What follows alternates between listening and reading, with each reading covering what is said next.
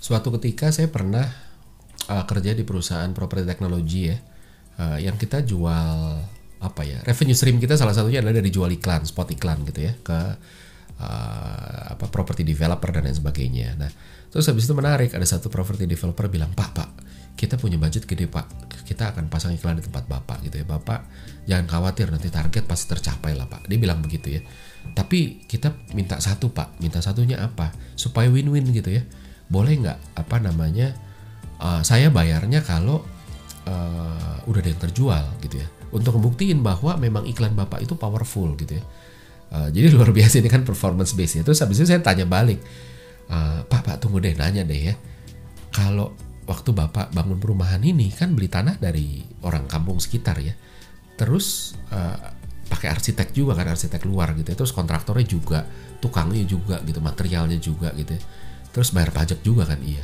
Nah sama mereka tuh bayarnya kalau udah laku atau gimana pak? Saya tanya. Saya tanya balik begitu bercanda kan. Jadi uh, ini ini penting banget. Kenapa laku atau enggaknya itu bergantung sama marketing aja? Itu pertanyaan paling besar. Seolah-olah yang lain udah dianggap udah bagus gitu ya. Tanah yang dibeli itu bagus bangunannya bagus arsiteknya bagus building materialnya bagus sehingga kalau nggak laku itu masalahnya marketing gitu ya padahal banyak faktor yang berperan gitu ya. Tanahnya lokasinya sesuai nggak dengan segmennya?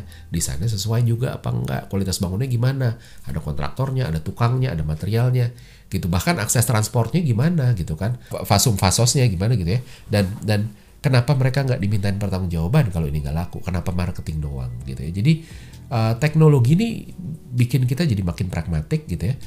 Yang uh, iklan cuma dibayar kalau ada hasil ada penjualan. Kalau nggak ada penjualan nggak dibayar. Seolah nggak ada kontribusi sama sekali gitu ya. Uh, dan seolah-olah orang lihat tuh langsung beli. Dalam kasus-kasus tertentu bisa gitu ya. Orang lihat tuh langsung beli gitu ya. Nggak pakai mikir ya. Tapi sebagian besar pembelian itu nggak bisa terjadi dalam sekejap gitu ya. Uh, ada uh, apa namanya istilah namanya last attribution model kalau di digital marketing. Yang terakhir di attribute itu dianggap berperan. Artinya kita tahu bahwa orang itu diekspos sama beberapa iklan, tapi kenapa yang kita hargain cuma yang terakhir gitu ya? Uh, ada juga yang uh, first attribution gitu, yang oh dia lihatnya ini dulu. Nah nggak bisa gitu ya. Uh, ini bahaya banget buat orang-orang marketing karena akhirnya kita menghalalkan segala cara untuk terjual. Yang penting laku. Udah dia bohong aja nggak apa-apa, yang penting laku gitu ya. Atau janjiin macam-macam aja deh gitu ya. Padahal apa yang bikin laku hari ini nggak selalu bikin bikin barang kita laku terus gitu ya. Apa yang hari ini nggak bikin terjual nggak selalu nggak ada gunanya gitu. Analoginya saya selalu pakai gini, kalau makan gula enak nggak enak manis gitu ya. Makan terus gitu ya karena oh enak kok baik-baik aja sehat-sehat gitu ya. Cek gula baik-baik aja. Coba makan itu 20 tahun gitu ya. Atau 10 tahun aja deh makan gula 1 kilo setiap hari. Enak nggak manis enak gitu ya. Hari pertama cek gula darah mungkin nggak akan tinggi-tinggi banget, insulinnya masih bagus. Tapi begitu udah segitu panjang, jadi masalah akhirnya gitu ya. Jadi itu bahaya. Yang kedua angkat beban, latihan beban gitu, angkat 10 kilo gitu ya. Terus uh, apa habis itu tangannya berotot? Enggak juga gitu kan. Uh, terus habis itu kita pikir, oh udah jangan dilanjutin. Kenapa? Saya udah latihan nggak jadi jangan jadi. Padahal kalau dilakuin terus, akhirnya jadi otot gitu. Nah, jadi uh, iklan pun juga apa marketing pun juga harus begitu. Nah, kenapa kita berpikir ada aja yang berbeda gitu. Pertama dari bisnis owner perspektif ya, ada yang namanya availability bias gitu. Kita menghargai sesuatu yang available, yang bisa kita justify gitu. Wajar aja dan dan dan butuh make sense gitu kan. Ketika oh pasang iklan di sini nggak jadi apa-apa, di sini nggak jadi apa-apa, begitu di sini ikut jadi penjualan gitu ya. Terus akhirnya kita tendensi untuk mengakui bahwa oh ini yang jalan, yang lain nggak jalan itu itu itu wajar gitu ya. Uh, tapi kalau balik lagi analogi, saya pakai analogi. Uh, kalau kita mikir bahwa oh uh, mobil gitu ya. Mobil itu kan ada mesin ada bensin ada aki ada kunci gitu. Terus habis itu coba pasang akinya. Nyala nggak? Nggak nyala. Pasang mesinnya nyala nggak? Nggak nyala. Isi bensin nyala nggak? Nggak nyala gitu ya. Wah ini nggak ada gunanya. Coba ambil kunci. Puter nyala. Oh ini yang bikin nyala terus habis itu udah kalau gitu mesinnya dibuang akinya dibuang bensin nggak usah gitu ya. Yang penting kunci gitu ya. Udah semua dibuang terus loh kok nggak nyala? Itu dia. Nah jadi sus, sulit gitu. Jadi segala sesuatunya tuh kolektif gitu. Jadi nggak nggak bisa langsung nggak bisa langsung kita me, apa ya mengatribut hanya ke satu aja gitu begitu juga sama marketing gitu ya. Jadi yang mikir activity yang bikin nggak beli itu nggak ada gunanya agak parah ya maksudnya. Karena bahkan yang nggak ngerti-ngerti banget aja ya itu berpikir kalau di mobil tadi ya orang yang yang orang yang nggak ngerti mesin pun tahu bahwa bukan kunci mobil yang bikin nyala. Kunci mobil itu cuma triggernya tapi harus ada bensin ada aki ada mesin dan lain sebagainya gitu ya. Nah sama di marketing. Kalau yang bikin yang yang mikir bahwa yang bikin marketing ini jalan cuma channel yang di ujung yang habis itu dibikin dia convert lah terus habis itu artinya dia nggak ngerti-ngerti marketing gitu ya. Jadi uh, akhirnya jadi ada mental calo. Mental calo apa sih gitu? Calo itu kan ketemu penjual ketemu pembeli diketemuin gitu ya. Ambil margin dari sana gitu ya. nah ini ini bahaya gitu loh. Kalau di perusahaan adalah oh bos gue tuh pembelinya ya. Bos bos minta naik target 100% terus kita cari nih mana yuk media yang bisa janjiin 100% kalau bisa naik 100% gue bayar. Kalau enggak enggak itu kan calo juga sebenarnya gitu. Dan dan dan itu itu berbahaya, berbahaya banget gitu ya. Nah supaya kita nggak jadi calo kita perlu ngerti gimana manusia ambil uh, bikin keputusan pembelian gitu ya. Pertama adalah ada nggak buying decision yang instan gitu? Ada jawabannya ada gitu ya. Jadi misal kita ke mall terus ada yang lagi jual pel pel yang nggak capek meres nggak perlu bongkok-bongkok tinggal ditekan-tekan tuh kan ada kan ya. Terus dia meres sendiri gitu ya. Needsnya nggak dibangun sebelumnya gitu ya karena kebetulan udah punya pel.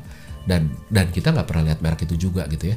Nah, tapi dari lihat dijelasin kok menarik ya? Ya udah dia beli aja deh gitu ya. Nah pembelian kayak gini biasanya terjadi sama low involvement produk karena risikonya kecil. Kalau gagal juga nggak nyesel amat gitu ya. Ada ada nggak sih yang high involvement begitu? Ada aja gitu. Misalnya kita beli skrup untuk nyambung, nyambungin struktur baja rumah. Saya kontraktor misalnya mau bangun rumah ada struktur bajanya eh skrupnya kurang nih gitu ya. Terus kita cari deh toko material terdekat gitu ya. Terus kita lihat terus eh ini apa nih skrupnya? Oh boleh nih ambil. Kita bisa putusin cepet gitu. Kenapa bisa cepet? Karena itu tadi. Satu urgent butuh segera terus habis itu untuk untuk apa untuk melihat untuk justify kualitasnya itu nggak perlu waktu panjang gitu ya permasalahannya berapa sering kita ada di situasi seperti itu gitu ya nah uh, uh, sayangnya kan banyak justru kita dihadapkan di situasi di mana buying proses itu butuh waktu untuk mikir dan lain sebagainya. Nah, untuk ngerti itu kita butuh ngerti dulu nih gimana otak manusia bekerja. Saya udah ngulang berkali-kali pilot atau pilot uh, apa terus ada beberapa konteks yang menentukan ya risikonya gede apa enggak urgent apa enggak gitu kalau dibikin matrix dua kali dua kotak dua kali dua begini ya berarti kan ada empat kuadran ya. Kuadran pertama urgent dan risikonya gede sehingga autopilot sama pilot yang jalan. Kalau urgent tapi low risk autopilot yang jalan karena segera gitu karena urgent gitu tapi risikonya kecil. Di autopilot aja deh nggak perlu mikir panjang-panjang udah shortcut aja yang penting cepet. Kalau nggak urgent tapi high risk gitu ya maka pilot kita pikir-pikir dulu punya waktu gitu. Jadi pembelian yang nggak urgent tapi high risk, kita pilot akan banyak take over, kita pikir-pikir dulu satu-satu gitu ya. Uh, kalau nggak urgent dan low risk autopilot karena nah, atau bahkan biasanya diabaikan. Nah, semua yang urgent itu akan di autopilot karena nggak punya waktu gitu kan uh, untuk telah satu persatu. Jadi autopilot akan bermain. Mungkin kalau risikonya gede pilot ikut main. Tapi kalau semua yang low risk itu autopilot udah deh, low risk sudah autopilot aja gitu ya dan semua yang urgent dicerna dulu gitu ya sehingga pilot bisa masuk. Dan semua yang high risk itu diambil sama pilot karena oh ini penting nih bahaya nih gitu ya. Nah setelah itu gimana pilot sama autopilot yang bekerja? Yang pertama adalah kalau tahu pilot gitu ya uh, hampir nggak mikir bahkan bisa nggak mikir sama sekali gitu ya. Pakai database kebiasaan nama program yang udah kesimpan gitu ya. Misal lagi makan resto mendadak ada suara nah ini saya pernah kejadian ya. Uh, apa namanya lagi makan di satu restoran di kebun sirih situ gitu ya uh, sama teman ketemu terus tiba-tiba uh, kita duduk dekat dapur ya dekat bar gitu ya terus tiba-tiba ada suara gitu ya. Uh, terus pegawai dapurnya kabur gitu ya. Ah, ada polisi juga di situ lagi makan juga bareng kita tapi beda meja gitu ya. terus udah nggak perlu cari tahu dulu itu apa sih? gitu. Eh tunggu deh sebentar ya ini apa ya berbahaya bang ah bubar. Langsung aja kabur semua orang kabur maka terus kita kabur supaya nggak telat gitu ya. Walaupun nggak pernah ada situasi itu tapi banyak tayangan. Saya nggak pernah ada di situasi di mana lagi makan tuh sudah gitu ya tapi udah banyak tayangan yang kalau ada begitunya biasanya jadi ledakan. Makanya itu program kita untuk oh autopilot aja udah kabur deh. Akurat nggak? Enggak. Karena beneran ini kayak yang kejadian saat itu adalah ternyata yang bocor itu cuma pipa dari mesin minuman soda yang bocor. Jadi nggak berbahaya sama sekali, nggak bikin meledak. Nah kalau pilot gimana? Kalau pilot itu hampir full mikir. Kenapa hampir? Karena pikiran kita juga ngeproses dengan mempertimbangkan database. Bahkan pilot pun butuh database. Misalnya kejadian yang tadi ya, uh, lagi makan terus bunyi gitu ya. Terus kita kabur terus sudah kabur udah di luar sejam kok nggak meledak meledak gitu ya. Kan itu kan waktu buat pilot masuk ya. Eh ternyata autopilot lu nggak akurat gitu ya. Nggak apa-apa tuh nggak meledak tuh gitu ya. Terus habis itu berarti bukan gas bocor. Terus kita pilotnya mulai mikir kemungkinan apa lagi? Oh pipa AC kali. Atau ada lebah nyangkut kali jadi gitu ya uh, database ini nggak perlu database persis tapi kita bisa connecting the dot dari pattern-pattern yang mirip gitu ya. Nah itu tadi. Nah jadi dua-duanya butuh database. Nah menariknya database ini direkam uh, nggak cuma secara pilot dan sadar tapi uh, juga secara autopilot dan bawah sadar gitu ya. Contoh gitu ya buat yang nggak kerja di bidang packaging design itu nggak pernah tahu bahwa uh, warna nggak pernah dikasih tahu maksudnya bahwa warna ungu, biru, pink itu relatif berisiko untuk makanan gitu. Tapi bahkan ketika kita nggak dikasih tahu gitu ya, kita aware secara bawah sadar bahwa warna-warna begini itu bukan buat makanan. Makanya sampai beberapa tahun lalu packaging yang warna-warni begini itu sulit untuk dapat traction karena persepsinya adalah ini warna-warna racun, warna chemical. Jadi nggak untuk makanan deh. Ya. Walaupun ke sini sekarang udah mulai terbuka. Nah pandemi kemarin itu juga banyak brand hand sanitizer kan yang muncul ya. Terus habis itu dari semua pendatang baru ada satu brand yang dominan banget kemunculannya namanya Saniter gitu ya. Saya percaya ada kontribusi dari warna dan desainnya gitu ya. Dia desainnya tuh kesannya higienis putih, biru, light modern design gitu ya ini juga di database direkam secara subliminal itu tadi. Jadi yang yang mau saya sampai di sini adalah kemampuan subliminal ini tadi. Nah, informasi soal warna di kemasan ini masuk bukan secara sadar, tapi ketika terus-menerus konsisten ditangkap otak sebagai pattern, akhirnya pattern itu juga jadi database gitu ya. Dan nggak semua informasi subliminal ini harus konsisten. Bahkan informasi yang keluar sekali aja uh, tetap ditangkap bahkan tanpa fokus gitu ya. Uh, definisi subliminal tuh kan gini kayak balik lagi kalau saya ngeliat kamera ini gitu ya, terus di kanan kiri situ tetap kelihatan gitu walaupun saya fokus ini nah yang ini yang saya nggak fokus itu subliminal dan subliminal itu nggak bisa dianggap enteng ya jadi contoh-contoh kalau ada waktu ya coba cari YouTube uh, buka videonya si Darren Brown. Darren Brown itu mentalis dari Inggris kalau nggak salah ya. Dia suatu saat dia bikin video ada videonya. Dia undang orang-orang kreatif advertising datang ikutan jalan eh datang yuk dijemput pakai mobil dibawa ke gedung di mana dia udah nunggu gitu di satu ruangan meeting. Terus dia ngajak orang-orang kreatif itu untuk bikin iklan tentang sebuah layanan gitu ya diceritain detail briefnya dikasih waktu setengah hari untuk bikin. Dia juga bilang eh gue udah bikin juga sebenarnya. Tapi gue gak mau tunjukin sampai lu tunjukin. Gue taruh di amplop terus gue tutup gitu ya. Terus begitu selesai mereka discuss. Orang-orang presentasi orang-orang agensi tadi ya. Terus habis itu begitu giliran dia buka amplopnya kelihatan bahwa layout yang dia udah buat sebelum orang-orang agensi itu uh, bikin itu mirip banget sama yang mereka bikin. Dan orang kreatif itu pun kaget gitu. Apa yang terjadi sebenarnya gitu. Dia nunjukin bahwa orang-orang kreatif itu sudah diinfluence secara subliminal. Dia tunjukin uh, behind the scene ya bahwa dari waktu tadi pagi waktu lo gue jemput dari apartemen lo ke gedung ini lo ngelewatin banyak apa ya banyak hal-hal yang udah gue tunjukin yang itu mempengaruhi bagaimana lo ngedesain gitu ya. Banyak elemen desain yang dimasukin sama orang-orang kreatif ini yang sebenarnya udah diekspos di pagi sebelumnya. Nah trik semacam ini banyak dipakai sama mentalis dunia gitu. Jadi kan mentalis itu sering apa mereka nebak, tapi padahal nebak sesuatu gitu ya.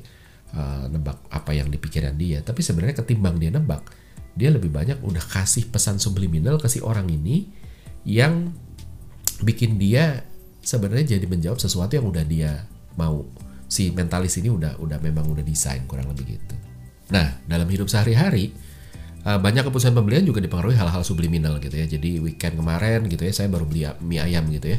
Uh, dan ini bukan mendadak muncul aja sebenarnya. Jadi kalau dirunut saya inget-inget kenapa ya gue pengen mie ayam ya. Dirunut itu inget bahwa oh dua hari sebelumnya gue lihat tuh ada satu video di TikTok tentang review resto bakmi yang wah kayaknya enak gitu. Jadi walaupun pesannya nggak masuk apa namanya secara super subliminal artinya saya sadar ngeliat itu gitu ya tapi dan saat itu saya nggak pengen gitu tapi itu mempengaruhi keputusan saya untuk beli bakmi gitu ya. Sama beberapa waktu lalu saya juga beli video Osmo uh, Pocket gitu ya. Uh, uh, waktu itu kebetulan mau liburan ke Australia gitu terus habis itu kalau ditanya kenapa mau beli? Ya karena mau liburan gitu kan. Uh, tapi sebenarnya ada udah ada dua HP gitu. Saya juga punya kamera yang saya pakai ini gitu ya. Yang sebenarnya cukup untuk bikin video liburan gitu ya.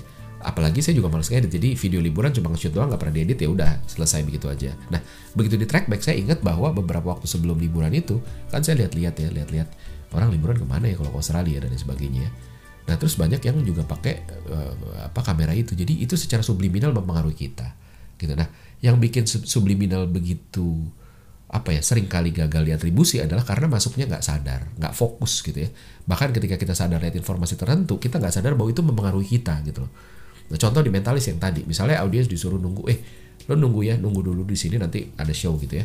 Nah terus habis itu waktu dia nunggu ada jam gede banget di depan dia ya nggak gede banget, cukup prominent lah ya. Uh, jamnya tuh 3.15 gitu ya. Terus begitu shownya mulai dia mulai ditanya gitu kan. Di, ditanya dia bilang coba coba pikiran uh, kombinasi angka jamnya jam digital tadi ya. Kombinasi angka tiga angka gitu ya. Tiga digit gitu ya apa? Orangnya nyebutnya 315 karena sebenarnya itu tadi secara subliminali secara subliminal udah ditanamkan di otak ini 315 sehingga ketika suruh mikir kita mikir apa yang recall dan yang recall adalah yang sesuatu di apa ya dimasukin secara subliminal itu tadi. Nah, jadi subliminal ini lebih sulit lagi diatribusi karena kita punya punya kecenderungan rasionalisasi gitu ya. Dan kayak kayak beli kamera gitu. Saya bilang bahwa oh gara-gara mau ke Australia itu rasionalisasi gitu. Otak bawah sadar kita tuh punya influence luar biasa dari banyak signal-signal subliminal. Tapi dia nggak bisa ngomong ke otak sadar kenapa keputusan pembelian ini diambil gitu ya. Uh, otak sadar pun mencernanya dengan cara cari cara pembenaran gitu ya.